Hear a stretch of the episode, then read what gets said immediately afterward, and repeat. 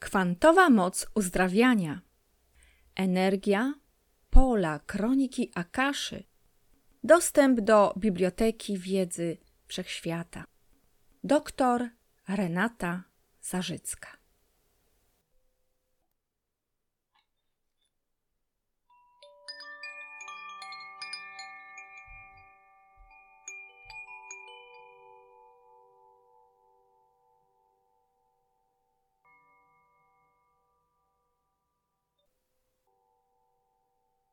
Zarządzanie i kierowanie własną energią.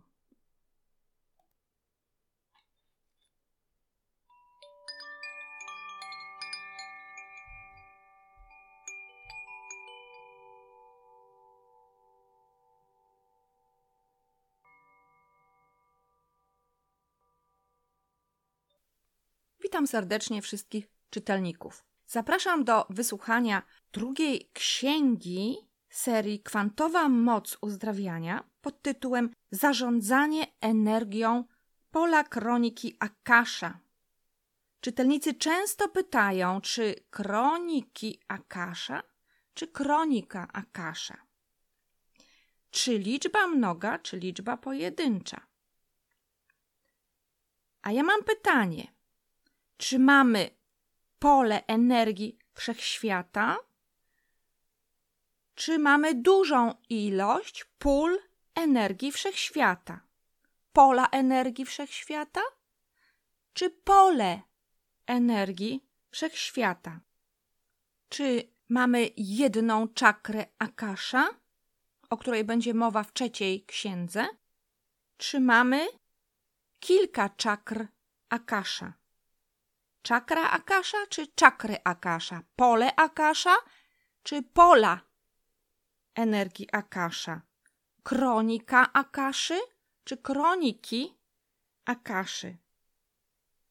I jest jeszcze jedno pytanie. Co oznaczają słowa Akashic Records? Jest to znaczenie w liczbie mnogiej jako zapisy Akasza, odczyty Akasza, ale skąd? Z kroniki Akaszy. Zatem odpowiedź chyba jest już jasna. Mamy do czynienia z jedną wielką kroniką Akaszy w bibliotece wszechświata, a kronika ta może składać się z wielu, wielu zwojów historii, informacji o przeszłości, teraźniejszości i o przyszłości. Jedna kronika Akaszy, tak jak jeden wszechświat, jedno pole energetyczne uniwersum.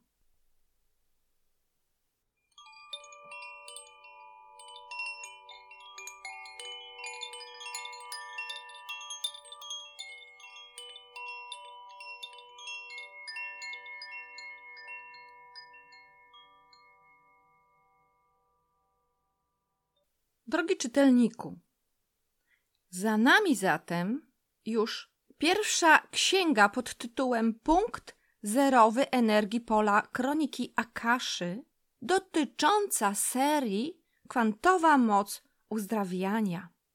A przed nami otwierają się strony drugiej księgi tej serii. Tym razem dotyczy ona momentu wyjścia ze źródłowego punktu zerowego energii i zastosowania zasad energetycznych działających w polu wibracji wszechświata. Tytuł tej księgi to Zarządzanie energią pola kroniki Akaszy.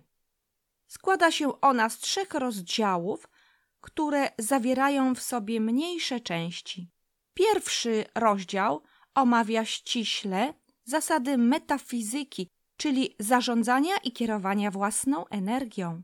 Rozważa filozofię Spinozy i jej zastosowanie przez Einsteina, podstawy zarządzania rzeczywistością. Tłumaczy, jak działa energia emocji oraz stresu na naszą duszę, czyli psychikę człowieka i na jego ciało, osłabiając je. Tłumaczy konsekwencje zbyt długiego trwania człowieka w negatywnych emocjach, będących energią blokującą dostęp do informacji z pola kroniki Akaszy. Przedstawia również zagadnienie uzdrawiania zmartwień i stresu. Drugi rozdział dotyczy uwolnienia swojej mocy, aby połączyć się z kwantową energią uniwersum. Omawia wpływ miłości na zdrowie ludzkiego ciała i zachęca do życia w polu serca, aby być szczęśliwym w zgodzie z samym sobą. Trzeci rozdział wskazuje na wartości energetyczne uzdrawiania swojej mocy. Przekazuje narzędzia w postaci siedmiu kluczy energetycznych do wzmacniania mocy ciała i duszy. Uczy, jak poczuć energię w swoim ciele i koordynować swoją aurę. Przedstawia koncepcję cyfrowej aury, która stopniowo zmienia aurę człowieka. Nazywa się to powszechnie smogiem energetycznym. Wskazuje też na aurę pokarmu, którym człowiek odżywia swoje ciało. Może ona, jak bioenergoterapeuta, uzdrawiać, a może też prowadzić do destrukcji. A wszystko to dzięki zawartym w pożywieniu częstotliwościom o różnym stopniu natężenia. Dla wielu osób tematyka ta należy do zagadkowych fenomenów w życiu człowieka. Podobnie jest z subtelnym systemem połączenia aury z czakrami i obszarami powiązanymi z czakrami, zwanymi koła życia. Są one symbolem cykliczności przemieniania, nieuchronności zmian oraz fali wzlotów i upadków, sinusoidy życia, w którym wszystko może się wydarzyć tak, jak na kole fortuny. Wszyscy ludzie na Ziemi, czy chcą, czy też nie, znajdują się w mocy okoliczności, a te, tak czy inaczej, mają na nas wpływ.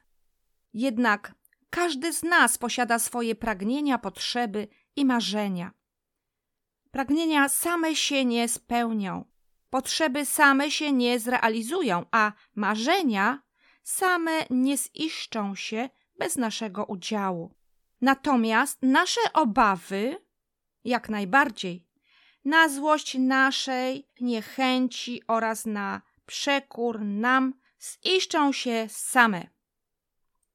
Czy można temu zapobiec?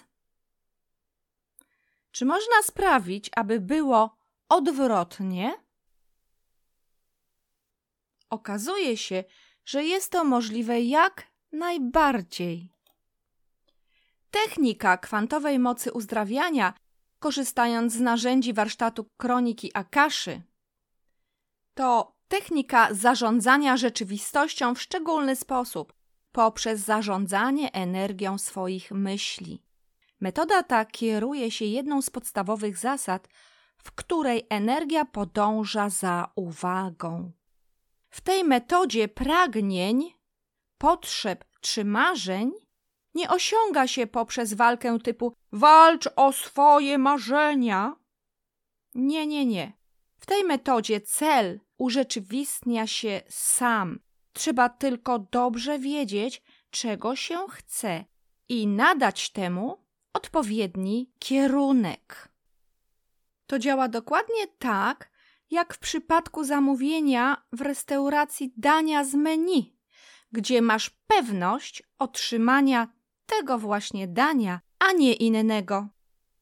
Wiesz również, że za to trzeba ponieść określony koszt, tak jak pewien wkład czasu, wysiłku lub pieniędzy jest niezbędny przy realizacji swoich celów.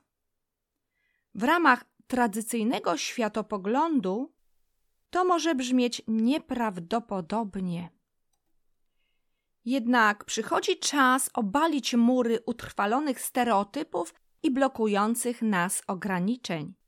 Okazuje się, że tam, gdzie nie da się już nic zrobić na logikę i wszyscy rozkładają ręce w geście bezradności, w świecie energii można zrobić bardzo wiele. Trzeba tylko wiedzieć, dokąd się zmierza i połączyć się ze swoim wewnętrznym źródłem, z którego czerpiemy inspirację, motywację do działania i życiową energię zasilającą serce oraz mózg. Zamiast zmieniania siebie na siłę i wbrew swojej woli lub podejmowania próby zmieniania otaczającego świata, przedstawiona tu metoda kwantowej mocy uzdrawiania proponuje powrót do siebie, do swojej głębi i skupienia uwagi na zarządzaniu energią. Zawsze, kiedy w książce będzie mowa o uważności, skupieniu, wyciszeniu, spokoju i ugruntowaniu, to mówimy właśnie o źródle. Zawsze, kiedy potrzebujemy znaleźć rozwiązania i stworzyć coś na nowo, zwracamy się właśnie ku niemu. To nie relatywne rozmyślanie, logiczne myślenie, przestrzeganie ogólnie przyjętych norm i zasad, czy też planowanie i działanie pozwala na czerpanie inspiracji z ogromnych wewnętrznych zasobów pola energii. Dzieje się to właśnie poprzez wyciszenie, uspokojenie, skupienie i ugruntowanie się na tyle, by być w stanie nawiązać kontakt ze źródłem. Bez względu na to, czy zaczynamy coś nowego, czy też kończymy pewien cykl życia, zawsze warto udać się do źródła.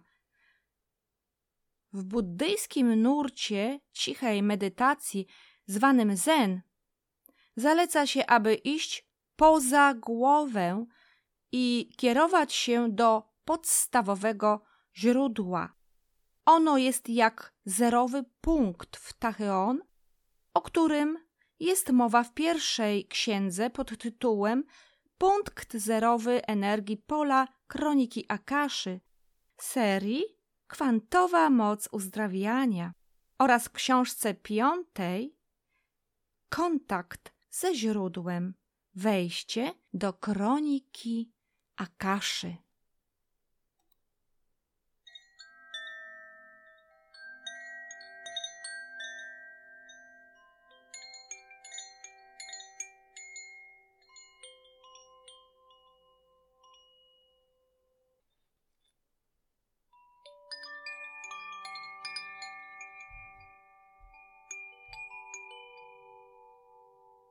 Zarządzanie i kierowanie własną energią.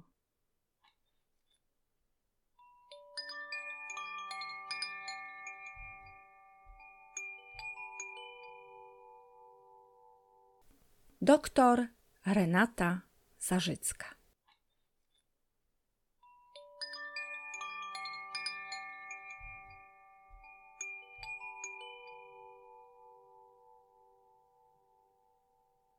Filozofia Spinozy i Einsteina w dążeniu do prawdy.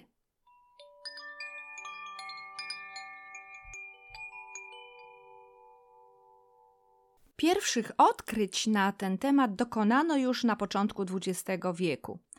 Wiedza ta z czasem odmieniła całkowite spojrzenie na rzeczywisty świat, który widzimy, świat materialny. Wiedza ta wzbogaciła sposób, w jaki od tej pory wielu poszukujących prawdy ludzi postrzega niewidzialne, tajemnicze zjawiska tego świata i rozumuje je zgodnie ze stopniem rozwoju swojej świadomości. Między innymi do jednych z takich filozoficznych przemyśleń należą odkrycia Bercz Spinozy i Alberta Einsteina.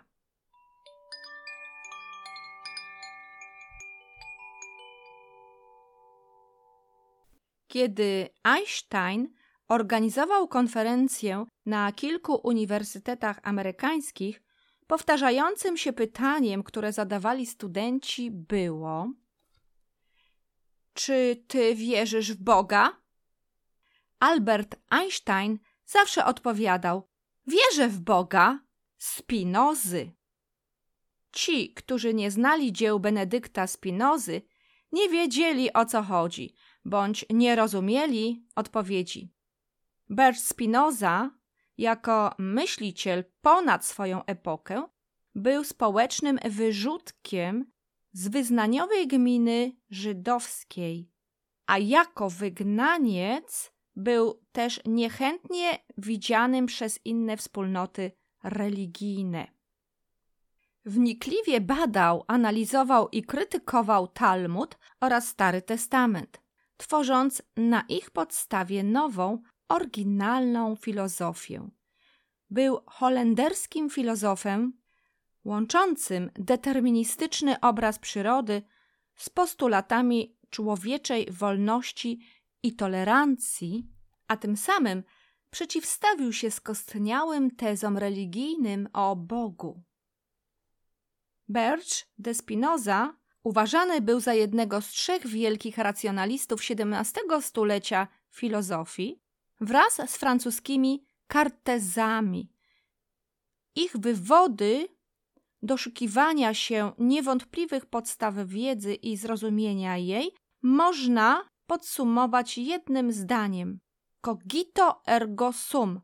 Myślę, więc jestem.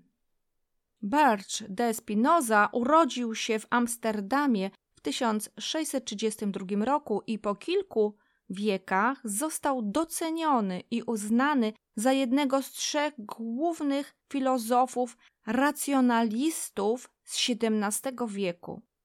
Refleksje racjonalistów tych zakładały głęboką krytykę klasycznej i ortodoksyjnej wizji religii.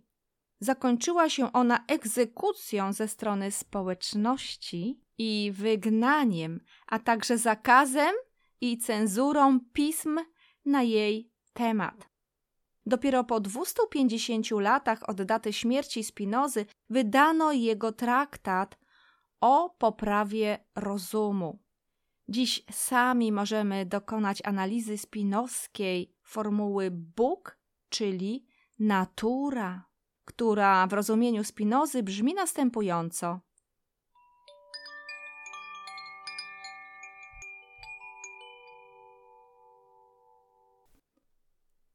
Bóg mówiący do swojego ludu: Przestań się modlić i bić w piersi. Chcę, żebyś poszedł w świat i cieszył się życiem.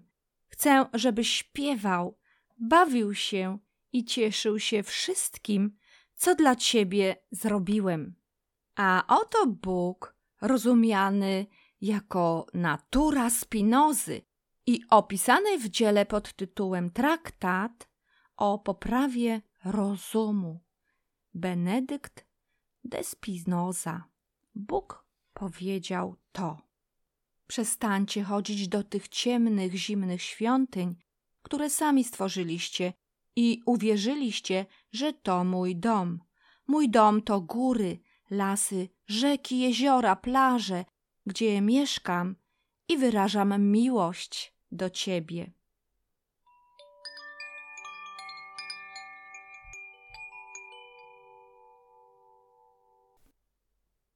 Analizując dalej kolejne filozoficzne myśli, możemy skonfrontować i ocenić stanowisko Spinozy w podstawowych kwestiach epistemologicznych i metafizycznych. Czy są one uzasadnione i zgodne z naszymi przekonaniami, czy też warto im się bliżej przyglądnąć i zrozumieć je jako odmienne stanowisko? A brzmią one dalej kolejno. Przestań obwiniać mnie za swoje marne życie. Nigdy nie mówiłem, że jest w tobie coś złego, że jesteś grzesznikiem lub że twoja seksualność jest zła. Seks to dar, który ci dałem i dzięki temu możesz wyrazić miłość, ekstazę, radość, więc nie obwiniaj mnie za wszystko, w co uwierzyłeś. Przestań czytać niby święte pisma, które nie mają ze mną nic wspólnego. Jeśli nie potrafisz mnie czytać w jutrzence blasku, w krajobrazie, w oczach znajomych, w oczach twojego małego dziecka, nie znajdziesz mnie w żadnej książce. Zaufaj mi i przestań zwracać się do mnie ze swoimi pomysłami. Będziesz mi mówił, jak mam wykonywać swoją pracę? Przestań się mnie bać.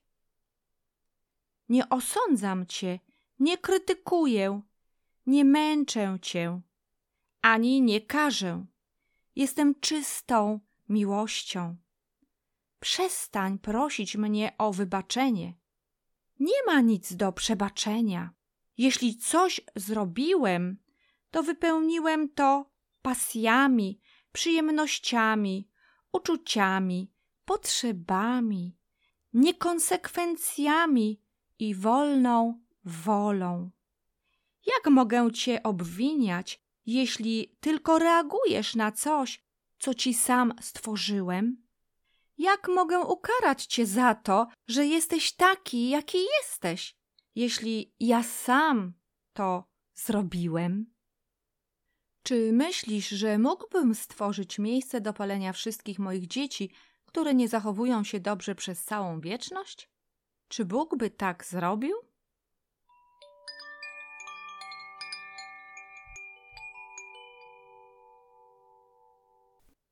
Źródła poglądów Spinozy są bogate w teologię żydowską, w renesansową filozofię Jordana Bruna, w stoicyzm, kartezjanizm i naturalizm Tomasa Hobbesa. Te wszystkie wpływy różnego rodzaju filozoficznych rozważań Spinoza potrafił jednak przekroczyć i scalić w odrębny, oryginalny system poglądów, dając czytelnikom kolejne rady.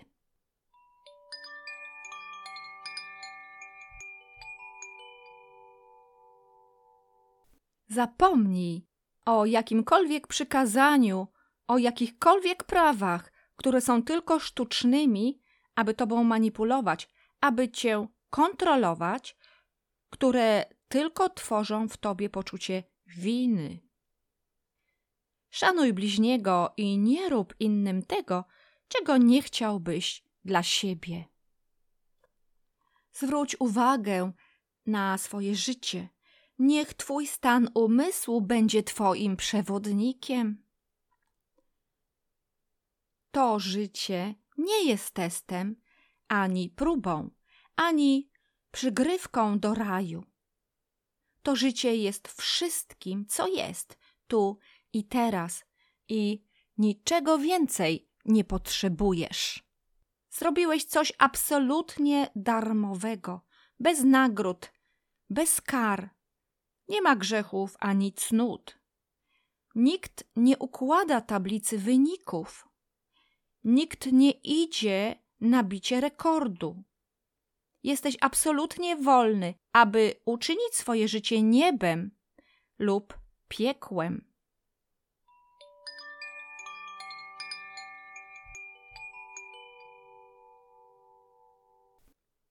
I jak?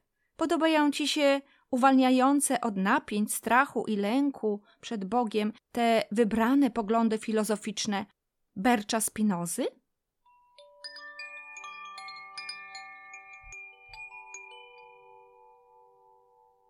Jak podoba ci się filozofia Boga Spinozy?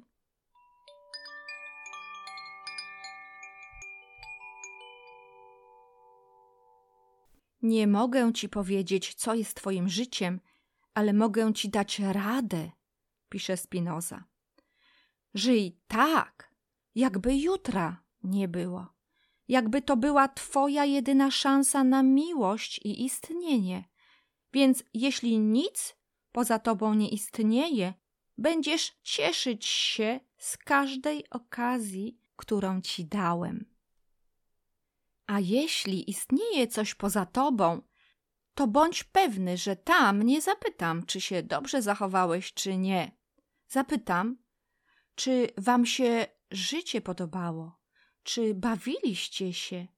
Co lubiliście najbardziej i czego się nauczyliście? Przestań we mnie wierzyć. Wiara to tylko zgadywanie i wyobrażanie sobie. Nie chcę, żebyś we mnie wierzył. Chcę, żebyś mnie poczuł. Chcę, żebyś mnie poczuł, gdy całujesz ukochaną, gdy przytulasz swoje wewnętrzne dziecko, kiedy głaszczesz psa, kiedy bierzesz kąpiel w morzu. Przestań mnie chwalić. Jakim egipskim bogiem uważasz, że jestem? Denerwuje mnie to, że jestem chwalony. Czy czujesz wdzięczność? Pokaż wdzięczność, dbając o siebie, o swoje zdrowie, o swoje relacje z najbliższymi, o świat. Pokaż to, działaj, rób. Wyraź swoją radość.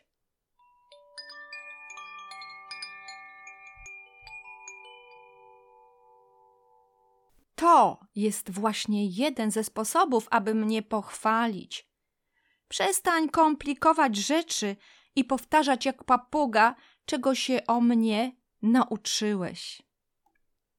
Jedyną pewnością jest to, że tu jesteś, że żyjesz i że ten świat jest pełen cudów. Do czego potrzeba więc cudów? Po co tyle wyjaśnień? Nie szukaj mnie na zewnątrz. Nie znajdziesz mnie tam. Szukaj mnie w sobie. Tam właśnie jestem. W imię miłości.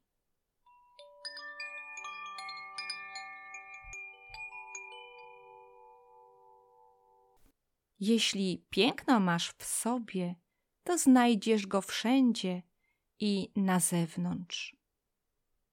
Jeśli miłość jest w tobie, odszukasz jej również na zewnątrz siebie.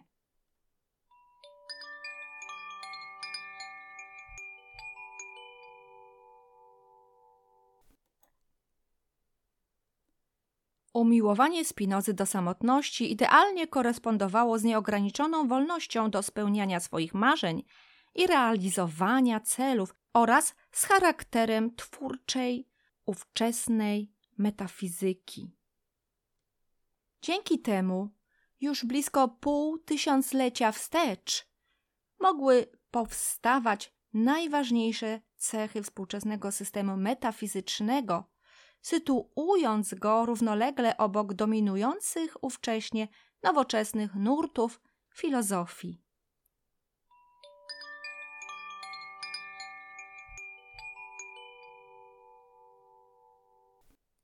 Niedługo przed śmiercią Einstein napisał list, który po jego śmierci został wystawiony na aukcji w 1954 roku. Einstein mówi w tym liście rzeczy, jakie wielokrotnie powtarzał w ciągu swojego życia. Słowo Bóg jest dla mnie jedynie wyrazem i wytworem ludzkiej słabości, a Biblia zbiorem dostojnych, lecz jednak mocno prymitywnych legend. Żadna, nawet najbardziej subtelna interpretacja nie może tego, moim zdaniem, zmienić.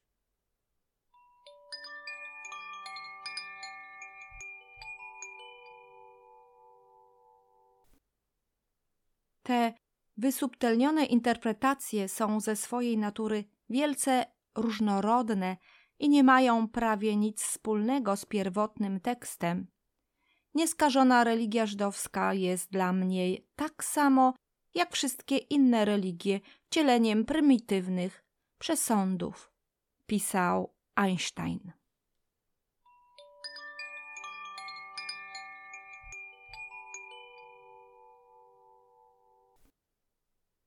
Rabin Herbert Goldstein z Nowego Jorku poczuł się zaniepokojony treścią wypowiedzi Einsteina i wysłał do niego telegram. Czy wierzy pan w Boga? Stop. Odpowiedź opłacona do 50 słów. Odpowiedź uczonego, choć telegraficznie skrócona, raczej nie zadawalała rabina. Wierzę w Boga Spinozy, który objawia się w regularnej harmonii wszystkiego, co istnieje, lecz nie w Boga, który zajmuje się losami i uczynkami ludzkimi. Chociaż Albert Einstein często był klasyfikowany jako przekonany ateista, duchowość Einsteina była bliżej panteistycznego agnostycyzmu.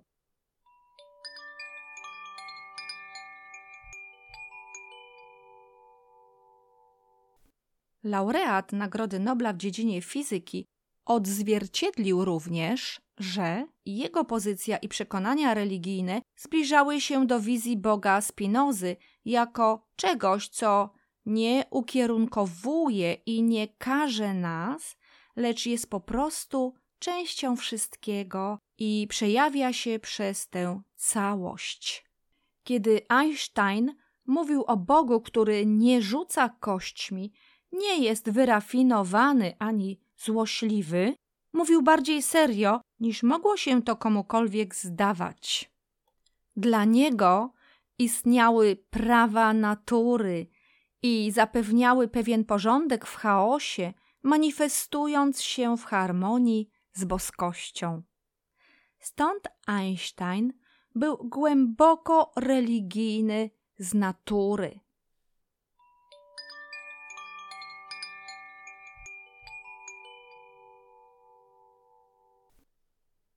Einstein uważał, że nauka i religia, jako obie dziedziny, dążą do poszukiwania i rozumienia rzeczywistości.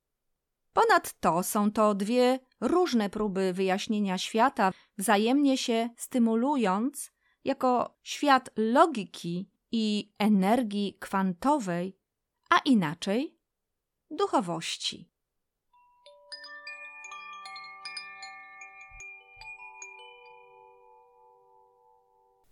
Albert Einstein uważał, że każdy, kto poważnie podchodzi do nauki, dochodzi do przekonania, że w prawidłowościach świata manifestuje się umysł znacznie przewyższający ten ludzki, któremu my z naszymi skromnymi siłami musimy pokornie ustąpić.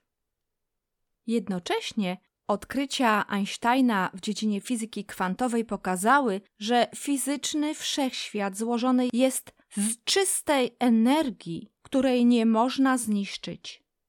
Można ją jedynie zamienić na inną formę energii czy materii bez żadnych strat podczas transformacji.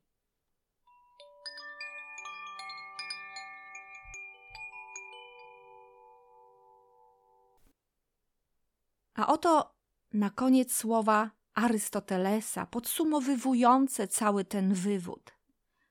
Nieświadomy człowiek wypowiada zdobytą wiedzę. Mądry człowiek zadaje pytania i rozważa.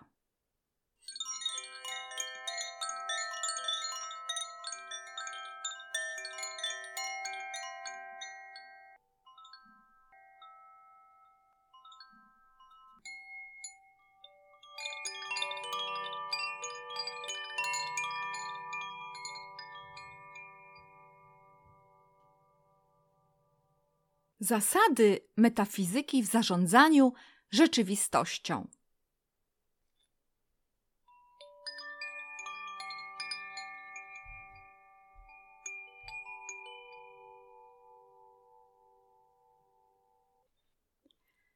Maciej Sendłak uważa, że termin metafizyka często kojarzony jest z mistyką, duchowością lub nawet religijnością.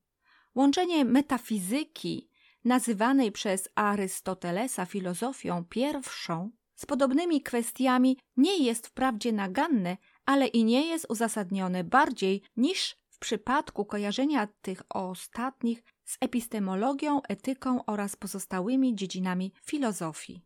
Tym niemniej utrwalanie się poglądu o szczególności takiego związku w przypadku metafizyki jest faktem. Jego konsekwencją jest pewne wypaczenie znaczenia terminu metafizyka, co prowadzi często do sceptycyzmu wobec zasadności uprawiania tej dyscypliny. Ogólność przedmiotu metafizyka sprawia, że rozstrzygnięcia metafizyczne mogą cieszyć się zainteresowaniem wśród specjalistów innych dyscyplin filozoficznych.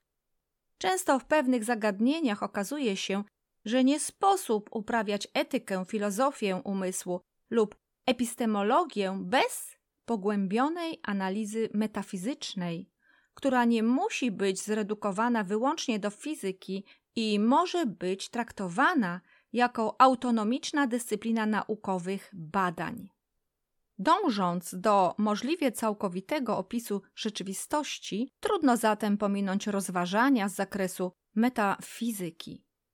Motywacja, myślenie i reakcja na bodziec, czyli nasze zachowanie, powinny być zawsze zrównoważone w czterech obszarach w sferze świata fizycznego i metafizycznego. Umysł i działanie należy do pierwszego z nich, natomiast dusza i pasywność obserwatora do drugiego, lecz nie mniej rzeczywistego. Warto go poważnie brać pod uwagę w swojej pracy, świadomego kreowania procesu myślowego w kierunku kształtowania podświadomości. Jeśli bierzemy pod uwagę tylko jedną płaszczyznę dualnego świata, to rzeczywistość nie podporządkuje się, gdyż materialiści w świecie rzeczywistym zajmują się pokonywaniem przeszkód, które sami sobie tworzą. Idealiści natomiast budują sobie w obłokach i marzą, marzą i marzą. Ani jedni, ani drudzy faktycznie nie potrafią pokierować rzeczywistością. Zarządzanie energią rzeczywistości to praktyka wdrażania zasad metafizyki do swojego codziennego życia. W tym miejscu warto zadać pytanie, czy świat składa się z materii, czy z energii? Jakkolwiek pomyślisz, odpowiedź będzie twierdząca.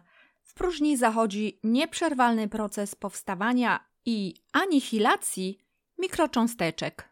Anihilacja z łacińskiego anihilatio znaczy unicestwienie od nihil, czyli nic. To proces prowadzący do całkowitej destrukcji materii posiadającej masę. Tłumacząc to inaczej, w fizyce kwantowej anihilacją nazywa się oddziaływanie cząsteczki z odpowiadającą jej antycząsteczką, podczas którego cząsteczka i antycząsteczka zostają zamienione na fotony, tzw. Tak kwanty światła. Są one czystą materią.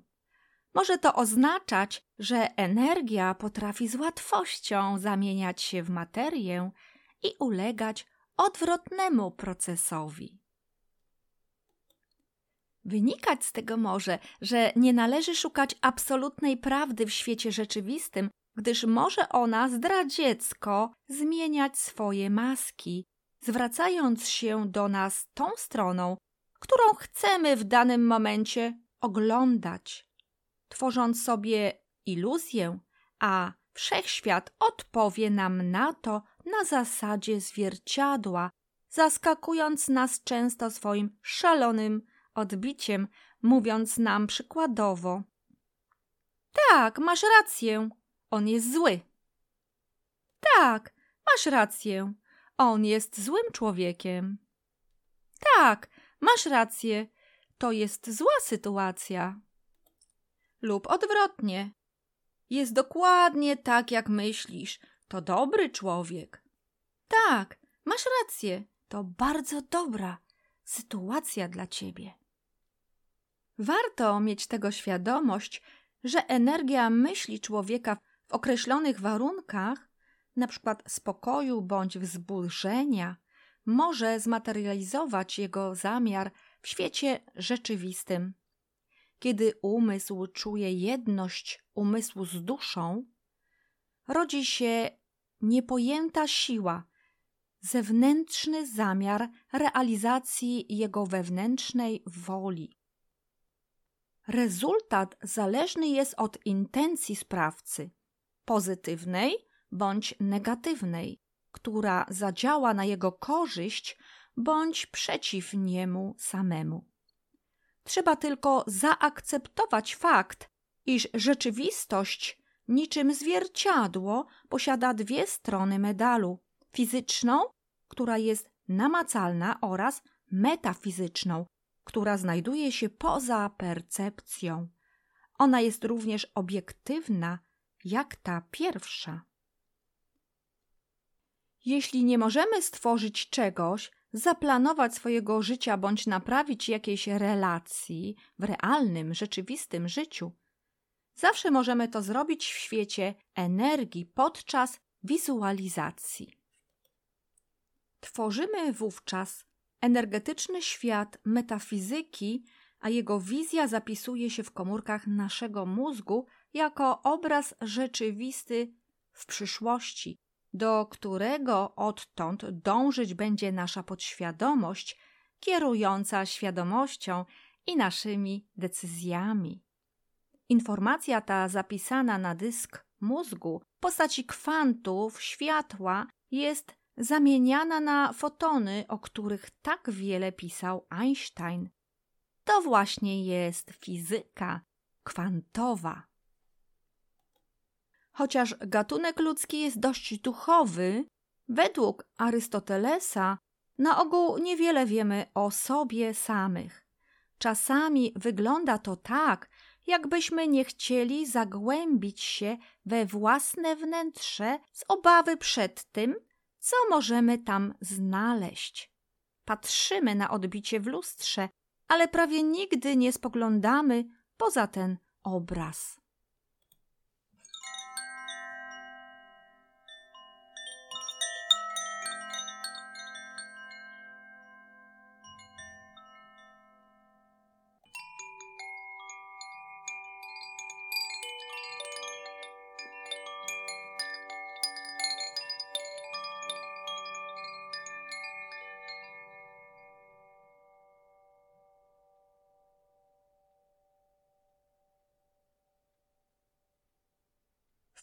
Energii stresu na duszę i ciało.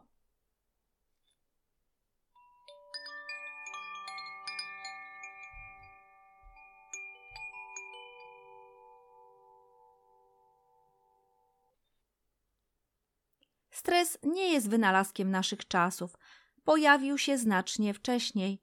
Wszystkie objawy stresu, które odczuwamy obecnie, takie jak wzrost ciśnienia krwi, przyspieszenie czynności serca oraz oddech, podwyższony poziom glukozy we krwi i inne, miały za zadanie przygotowanie człowieka żyjącego w zamierzchłych czasach do ucieczki, a w razie potrzeby do walki. Dlatego nie każdy stres jest zjawiskiem negatywnym. Jeśli jest krótkotrwały, pozwoli nam w sytuacji zagrożenia zmobilizować ukryte rezerwy. Natomiast długotrwałe życie w stresie wpływa na nas niekorzystnie i może doprowadzić do poważnych dolegliwości. Najbardziej narażone są układ krążenia i przewód pokarmowy. Osłabieniu ulegają również układ nerwowy i odpornościowy, a organizm powoli staje się podatny na liczne choroby słabnie układ obronny. Od tysięcy lat wiadomo, że stan psychiki i ducha ma istotny wpływ na zdrowie naszego ciała. Ówczesna starożytna medycyna łączyła w jedno to, co w danym czasie było szczytem technologii medycznej z interwencjami psychologicznymi i praktykami duchowymi. Już w biblijnej księdze przypowieści Salomona 17:22 sprzed trzech tysięcy lat znajdujemy receptę na zdrowie. Brzmi ona następująco. Wesołe serce jest najlepszym lekarstwem, lecz przygnębiony duch wysusza ciało. W Biblii Tysiąclecia czytamy o tym, aby rozwijać uważność, koordynować swoje emocje, myśli i słowa. Trzeba nauczyć się panować nad tym, co i jak mówimy.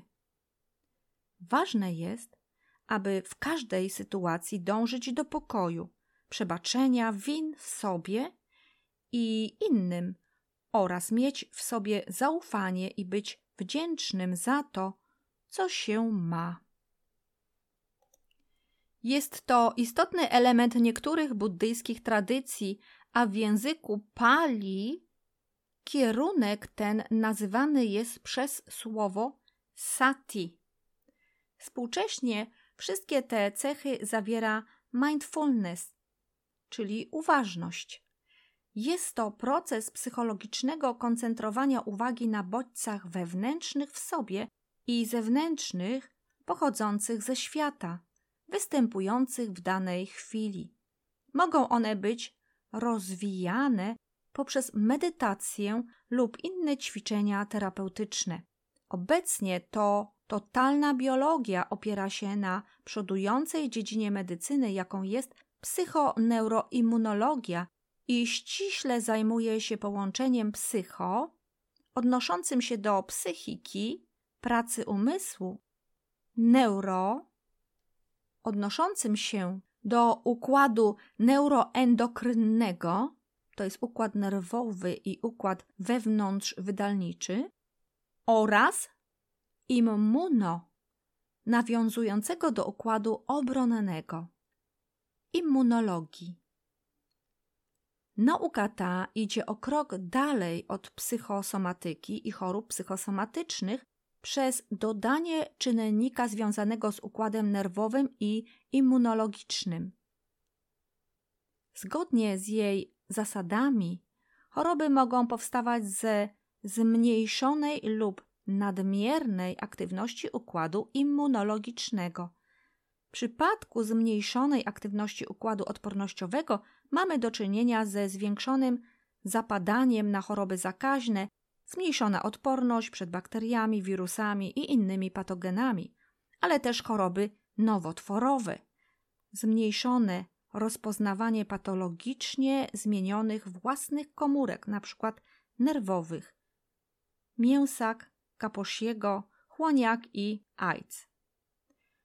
W przypadku nadmiernej aktywności układu odpornościowego komórki tego układu zwracają się przeciw własnemu organizmowi.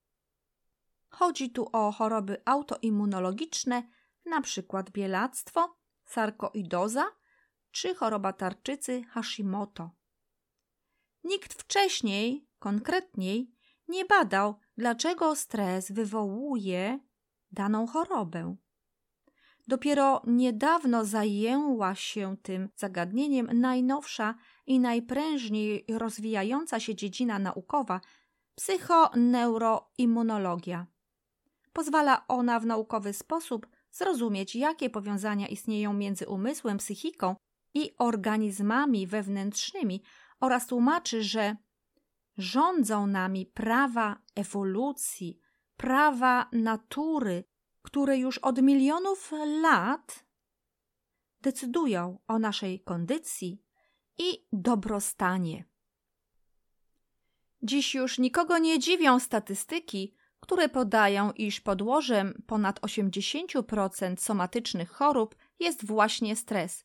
O tym w swojej książce Moc kontra siła pisał David Hawkins. Stres to opieranie się temu, czego nie chcemy, a jego brak to dostawanie tego, co chcemy.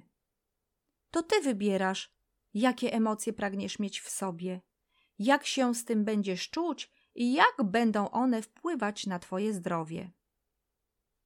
W tym miejscu skorzystajmy ze słów Jonathana Carroll, który podpowiada nam, że Energia nigdy nie idzie na marne, jeśli chodzi o miłość lub nienawiść.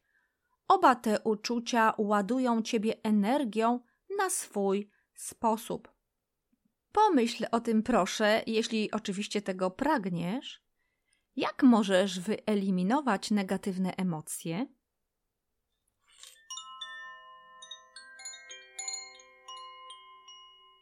Paul Coelho przestrzega nas przed noszeniem złych emocji i daje dobre rady, jakich korzyści dzięki temu możemy zaznać. Energia nienawiści zaprowadzi cię donikąd.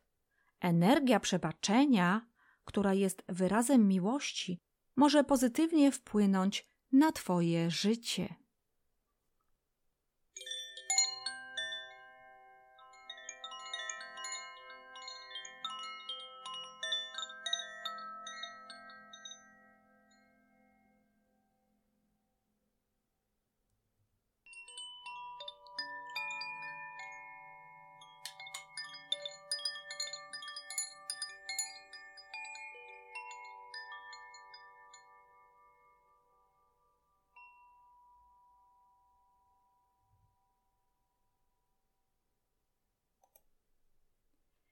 Niewyrażone emocje w ciele jako energia osłabiająca.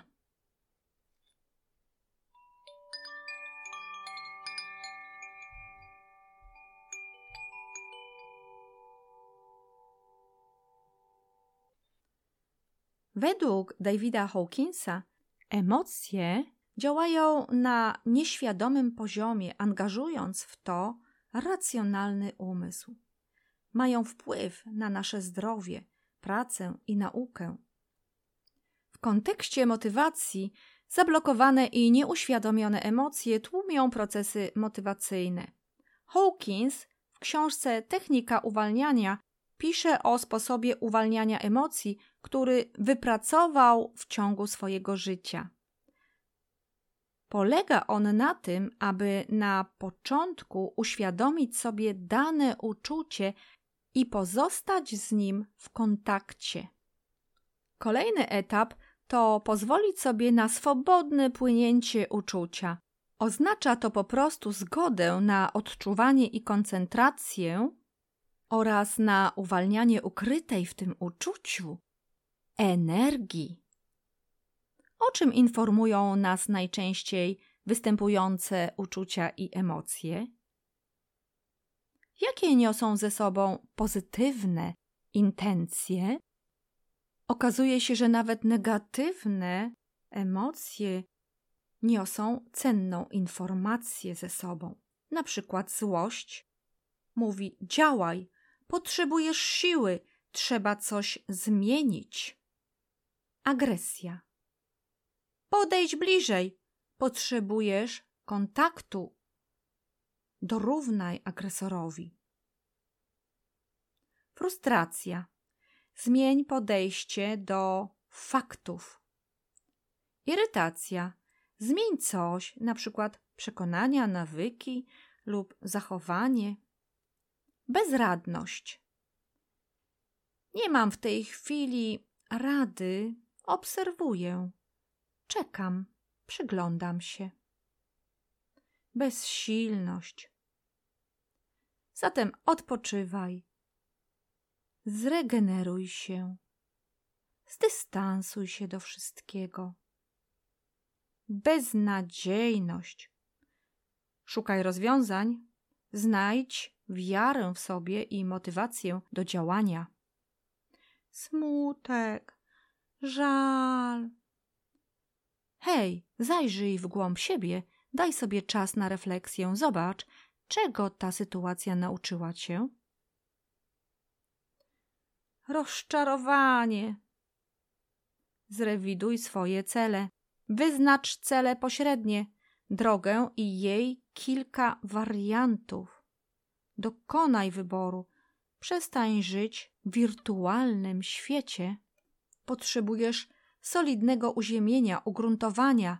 Mocno stąpaj po ziemi. Ach, zwątpienie. Szukaj dalej rozwiązań. Rozmawiaj o nich z ludźmi. Znudzenie, przesyt. Odpoczywaj zatem, zdystansuj się, zainteresuj się czymś innym. Upokorzenie. Nie jest ważne, co mówią i myślą inni. Skup się na sobie i zadbaj o siebie. Zazdrość! Nie warto zazdrościć. Masz wszystko, czego potrzebujesz do życia. Zadbaj o swoją wartość i miłość do samego siebie. Radość! Hej, ucz się nowych rzeczy. Wykorzystaj energię, ciesz się życiem. Wstyd. Zdystansuj się. Koncentracja. Zmieszanie? Ustabilizuj się. Strach!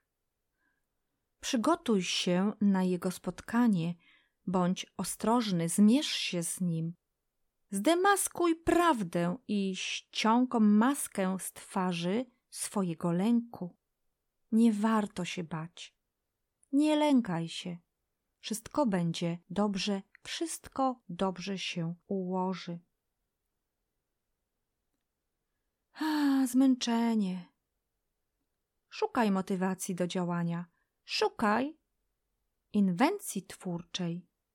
Szukaj intencji, motywacji wewnętrznej. Samotność. Szukaj bliskości. Rozmawiaj. Spotykaj się. Idź na masaż, na fitness. Popływaj. Stań się samodzielną jednostką, niezależną, samodzielną i silną.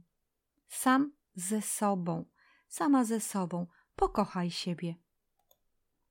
Psychoterapeuci zajmujący się ukrytymi w ciele emocjami są zgodni co do tego, że ich uwalnianie musi zacząć się od chęci, czyli wyrażenia intencji. Dr David Hawkins pisze: Jesteś z tym uczuciem i odpuszczasz wszelkie wysiłki, aby w jakikolwiek sposób je zmienić. Odpuść też chęć, by mu stawiać czoła, by mu stawiać opór. Kiedy następuje uwolnienie, osoba czuje lekkość, szczęście i wolność, a ten stan jest fundamentem motywacji do działania. Takie uwolnienie i jednoczesne odpuszczenie jest natychmiastowym pozbyciem się wewnętrznego napięcia lub jest jak zrzucenie ciężaru z siebie. Najczęściej towarzyszy temu natychmiastowa ulga i lekkość, a także po chwili poczujesz wolność i szczęście.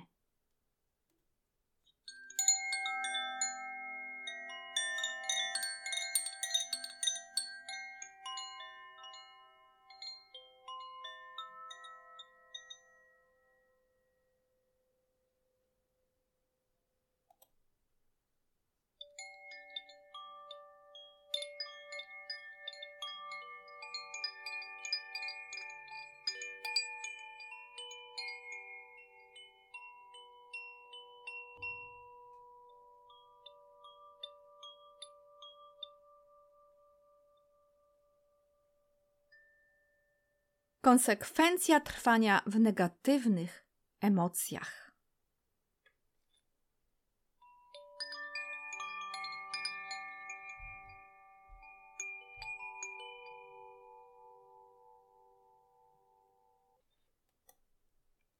Podczas wykładu na temat zarządzania stresem, pewien psycholog nagle podniósł szklankę z wodą i popatrzył na studentów.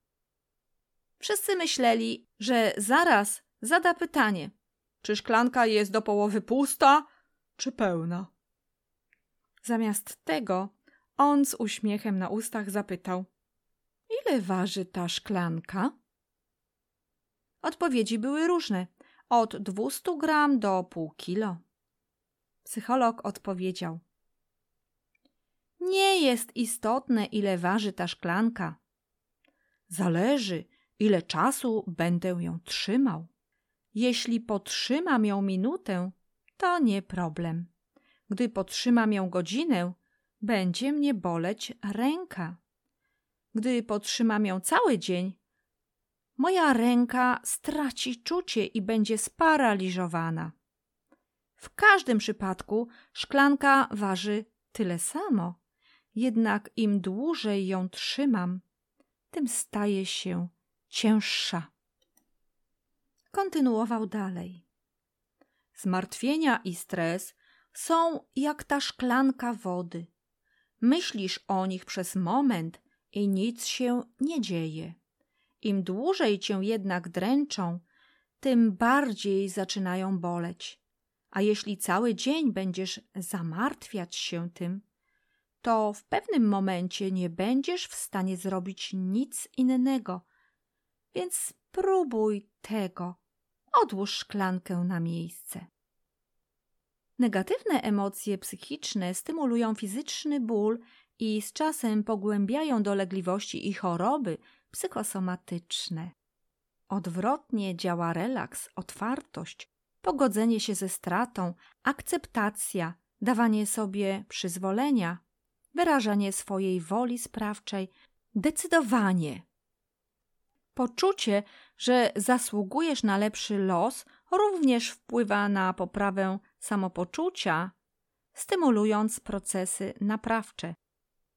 Człowiek, który żyje w ciągłym napięciu i pracuje na pełnych obrotach, aby zaistnieć w zewnętrznym świecie, warunkuje na zewnątrz swoją jakość życia poprzez raz agresywne działania marketingowe, praca w korpo, własny biznes od świtu do późnej nocy itd. Tak 2. Niezbędne jego zadaniem wizualne obiekty, gadżety, fura i komura. 3. Liczne spotkania, imprezy, odpowiednie towarzystwo, przejadanie się, alkohol i inne używki. 4. I inne czynniki. Pokaż się na zewnątrz. Jak cię widzą, tak cię piszą. Taki człowiek upatruje na zewnątrz takie uczucia jak negatywne emocje, czy smutek lub pozytywne emocje związane z poczuciem szczęścia, spełnienia, zadowolenia, radości i dobrostanu. Jednak nie zastanawia się, że to, co na zewnątrz, zależy od wielu czynników i ludzi, a człowiek często nie ma większego wpływu na to i nie może o tym decydować w stu procentach.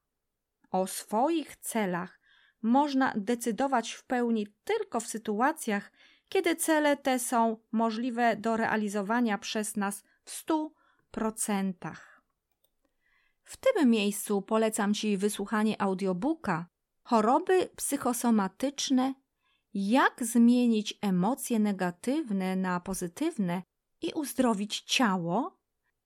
Audiobook ten jest z serii Mindfulness Trening Uważności. Jest to pierwsza część tej serii mojego autorstwa.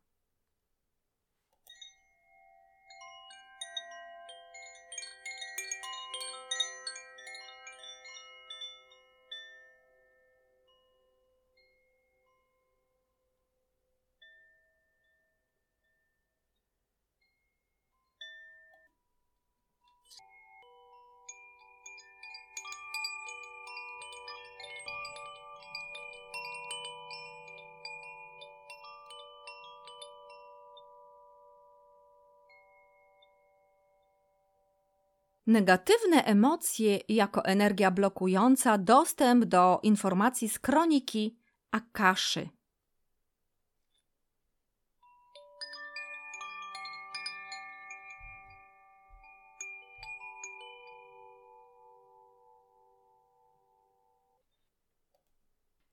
Każdy człowiek swoimi myślami i działaniami kreuje swój świat, a w nim swoje życie. Sposób myślenia odgrywa tu pierwszorzędną rolę. Twój świat z lekkim opóźnieniem w czasie staje się takim, jakim go sobie wyobrażasz. Jeśli myślisz, że jest on nieprzyjazny i agresywny, to masz rację. Twój świat taki właśnie będzie dla ciebie. Sergiew Łazariew uważa, że agresję prowokuje przywiązanie do materialnych wartości. Pisze, że po jakimś czasie zrozumiał, że los sygnalizuje w ten sposób jakiś bardzo ważny problem.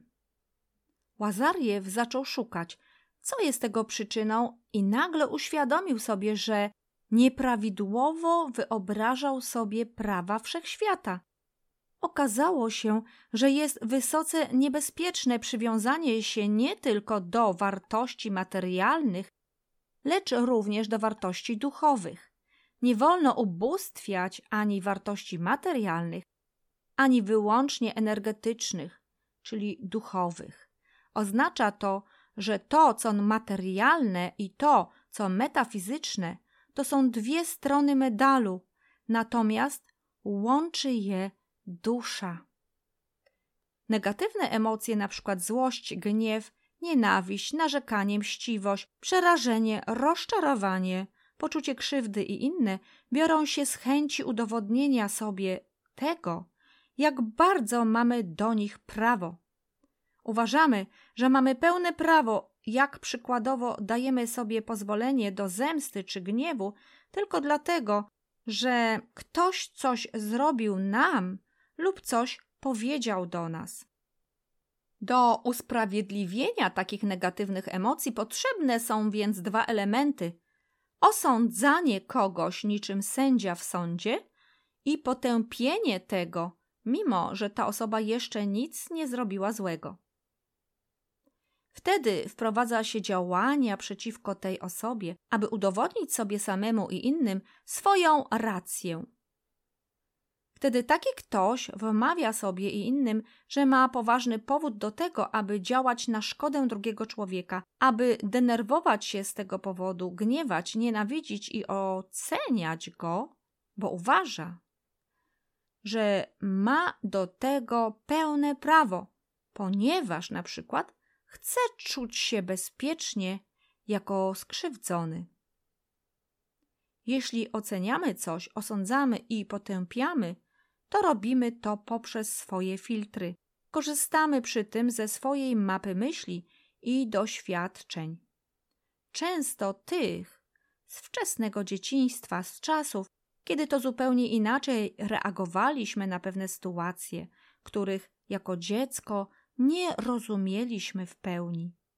Tym samym jakiemuś faktowi, zdarzeniu lub komuś nadajemy swoją etykietę, która tak naprawdę jest tylko i wyłącznie naszym własnym wyobrażeniem, dostosowanym do naszych potrzeb, lubienia bądź nielubienia, kochania bądź niekochania kogoś. Nasza iluzja jest w danej chwili na miarę naszych potrzeb i korzyści, jakie pragniemy osiągnąć z tej sytuacji. Wtedy pozwalamy sobie na pozytywne lub negatywne emocje, dokonując własnego w tym względzie wyboru i subiektywnej oceny. W ten sposób dajemy zgodę na powstanie w nas takich emocji jak gniew, wściekłość, nienawiść i chęć zemsty. Jeśli uważasz, że środowisko, w którym żyjesz, jest agresywne i nieprzyjazne, to tak właśnie jest. Jeśli sądzisz, że na tym świecie trzeba o wszystko walczyć, to tak właśnie jest dla ciebie. Jeśli myślisz, że wszystkie dobra musisz zdobywać z wielkim trudem, to masz rację. W tym świecie tak właśnie jest i będzie do czasu, kiedy nie zmienisz swoich przekonań. Jeśli masz przekonanie, że sukcesy i bogactwa towarzyszą tylko wybranym, to zawsze będziesz tylko obserwatorem tego, stojąc na końcu kolejki, zamiast być uczestnikiem dobrostanu. Możemy też wybrać miłość, przyjaźń, empatię i szczęście. To, jakie znaczenie nadamy faktom, zależy wyłącznie od naszej decyzji i pozwolenia sobie na odczuwanie określonej emocji, nie zaś od faktu samego czy od osoby. To, co dostrzeżemy w drugim człowieku, zależy wyłącznie od tego, jak chcemy go widzieć w danej chwili, czy jako ktoś piękny i czarujący, czy zły i podły. Pozwalamy sobie przy tym na różnego typu emocje i usprawiedliwiamy swoje własne zachowanie przed sobą i światem. Kiedy pojawiają się negatywne myśli i związane z nimi emocje, wtedy zamiast skupiać się na naprawianiu tego, co zostało zniszczone oraz na poszukiwaniu dobrych rozwiązań, Niektórym osobom, szczególnie tym z poczuciem urazy pochodzącej gdzieś z głębokiego dzieciństwa, przychodzi ochota na szukanie winnych i ich ukaranie. Wtedy mówią oni nie o swoich uczuciach, na przykład czuje się przez ciebie zraniona, lecz uważają, że są skrzywdzeni i używają formy obwiniania Zraniłeś mnie, zraniłaś mnie.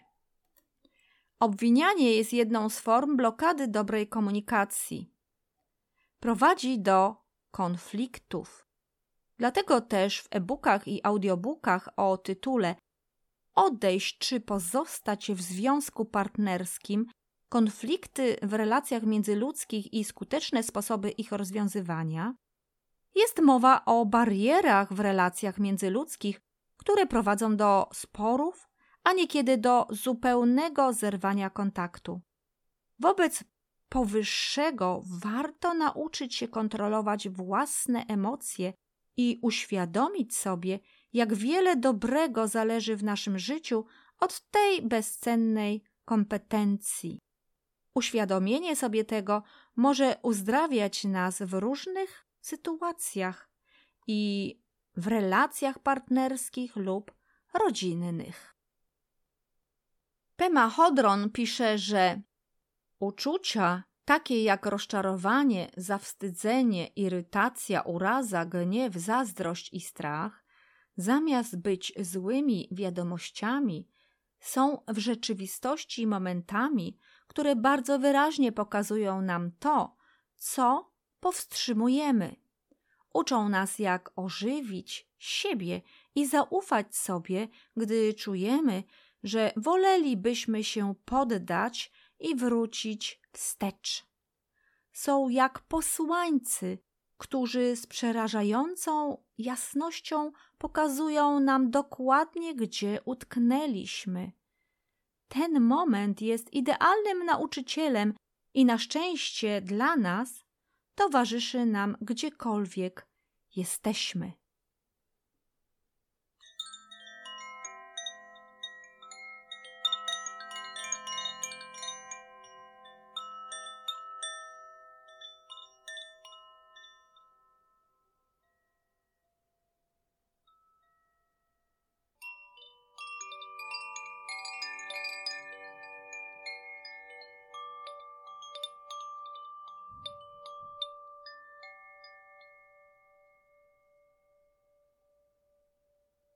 Uzdrawiaj swoje zmartwienia i stres.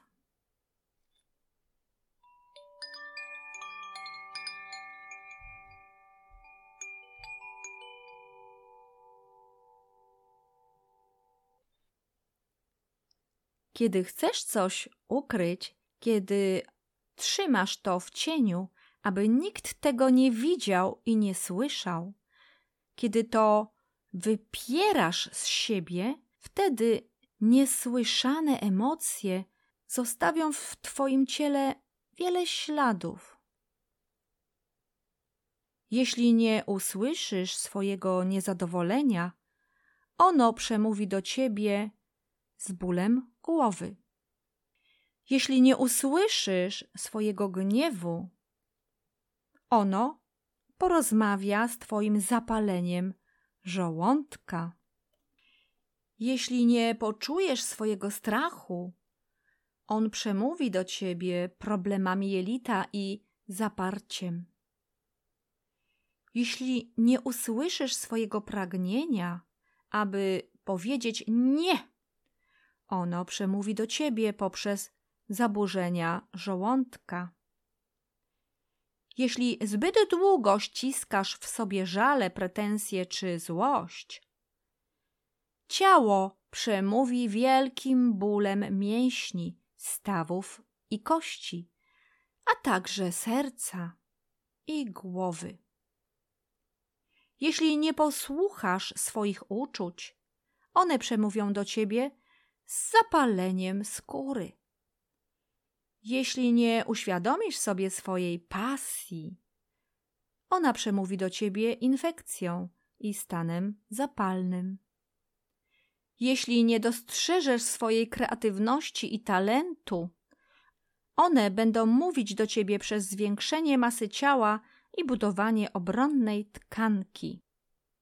Jeśli nie usłyszysz swojej duszy, duchowości, ona przemówi do ciebie przez ciało, które zachoruje.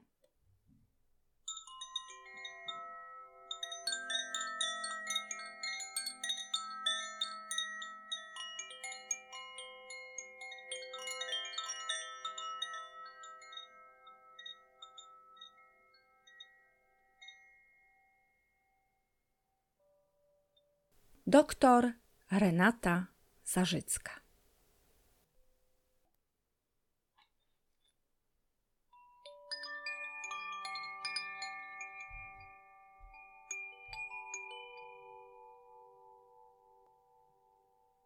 Zapraszam do odsłuchania kolejnych odcinków.